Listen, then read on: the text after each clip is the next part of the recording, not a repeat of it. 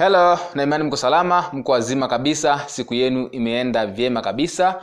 Uh, bila kupoteza muda niende moja kwa moja katika maada ya leo ambayo nataka nishee na wewe siku ya leo ni kwamba moja ya sababu ambayo imekuwa ikisababisha vipingamizi vingi sana kwa wateja, sababu hii inasababishwa na wauzaji wenyewe. Sababu hii ni kwamba ni pale wauzaji wanapompa mteja option nyingi za kuchagua juu ya kununua bidhaa ama huduma.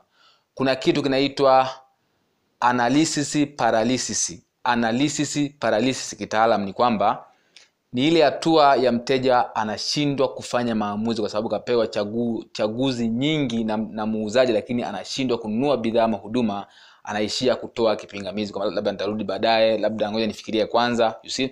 Kwa hiyo baadhi ya vipingamizi vingine vya wateja vinasababishwa na wauzaji wenyewe wa bidhaa ama huduma kwa sababu tu wamewapa wa, wa, wa, wateja wao option nyingi za kuchagua. Kwa mfano mteja amekuja katika sehemu yako ya biashara katika maongezo ongezi kwenye kununua bidhaa ukampa option nne za chukua hii hapa labda chukua hii chukua rangi hii you see. Bado hajafanya maamuzi umempa option nyingine kwa hiyo unakuta mteja anashindwa kufanya maamuzi haraka na anapeleka kupa, kupa kipingamizi.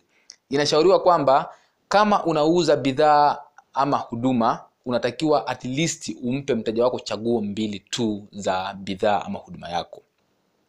Yaani usimpe chaguo nyingi. Ukimpa chaguo mbili eh, chaguo nyingi itapelekea mteja wako akupe kipingamizi ya kwamba labda ngoja afikirie kwanza ama atarudi baadaye kwa sababu tu atashindwa achague chaguo gani. Ndio maana unaambiwa ukitaka kuuza bidhaa vizuri na, ki, na, na, na kitaalamu zaidi kuwa na chaguo mbili za mteja. Mpe chaguo mbili achague moja. Lakini ukimpa chaguo zaidi ya mbili tatu nne au tano anashindwa kuchagua kwa haraka na anaishia kupa kipingamizi. Kwa hiyo vipingamizi vingine vya wateja vinasababishwa na wauzaji wenyewe kwa kutoa kutoa uh, option nyingi kwa wateja juu ya kununua bidhaa ama huduma. Watu wateja hawapendi kuumiza vichwa pindi wanaponunua bidhaa ama huduma. Wanataka vitu simple hataki kuwaza vitu mara nyingi. Ndio maana unaambiwa kadri unavyomfanya mteja wako afikiri ndivyo unavyomkosa zaidi. Kama unauza bidhaa ama huduma rahisisha process kadri unavyoweza. Rahisisha ule mchakato wa kununua kadri unavyoweza ili mteja asitumie nguvu nyingi kufanya maamuzi ya kununua bidhaa ama huduma. Sasa wauzaji wengi wamekuwa wakicompliketisha waki, waki, waki, waki, waki hatua au mfumo wa kuuza bidhaa ama huduma kwa kuwa na process nyingi sana au chaguo nyingi kwa wateja. Kwa hiyo unakuta wanakutana na vipingamizi vingi kwa sababu tu sio kwa sababu mteja hataki kununua bidhaa huduma hapana. Kwa sababu tu wanakuwa na chaguo nyingi au process inakuwa ni complicated sana mteja anashindwa kufanya maamuzi ya haraka. Hivyo basi rahisisha mfumo wako wa kuuza bidhaa ama huduma kadri unavyoweza. Usiweke vikwazo vingi vya mteja kununua bidhaa ama huduma. Usimpe option nyingi usimpe chaguo nyingi atashindwa kuchagua na kipingamizi.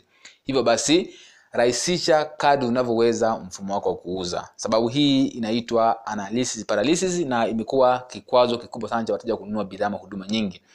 Kwa hiyo fanya kadi uwezavyo ili kuweza kumpatia mteja wako chaguo chache tu at least mbili.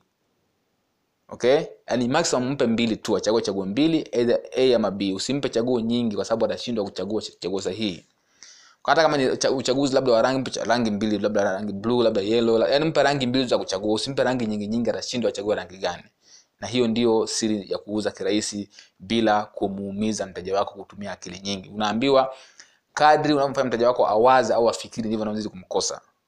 Mfanya mteja wako asitumie nguvu nyingi kufanya maamuzi ya kununua bidhaa ama huduma. Wateja wengi ukiwafanya watumie nguvu nyingi kufanya maamuzi ya kununua bidhaa ama huduma wanaanisha kupa kipingamizi ili labda ngoja nifikirie kwanza labda ngoja ni, ni, nitarudi baadaye you see. Tayari akishaondoka harudi tena. Kwa hiyo punguza vipingamizi kwa kutoa option chache kwa wateja wako kwa kurahisisha mfumo wa kununua bidhaa ama huduma yako kwa mteja wako. Inakuwa rahisi sana na inapelekea kupunguza vipingamizi vingi sana kwa wateja. Kwa hiyo leo nataka nishana wewe kitu hicho tu kwa sababu kimekuwa ni sababu kubwa sana kwa wateja kushindwa kununua bidhaa haraka kwa sababu tu wauzaji wanawapa chaguo au wanakuwa na mfumo wa mauzo ambao upo complicated sana haupo clear haupo wazi kwa wateja. Kwa hiyo wanaishia kupata vipingamizi vingi.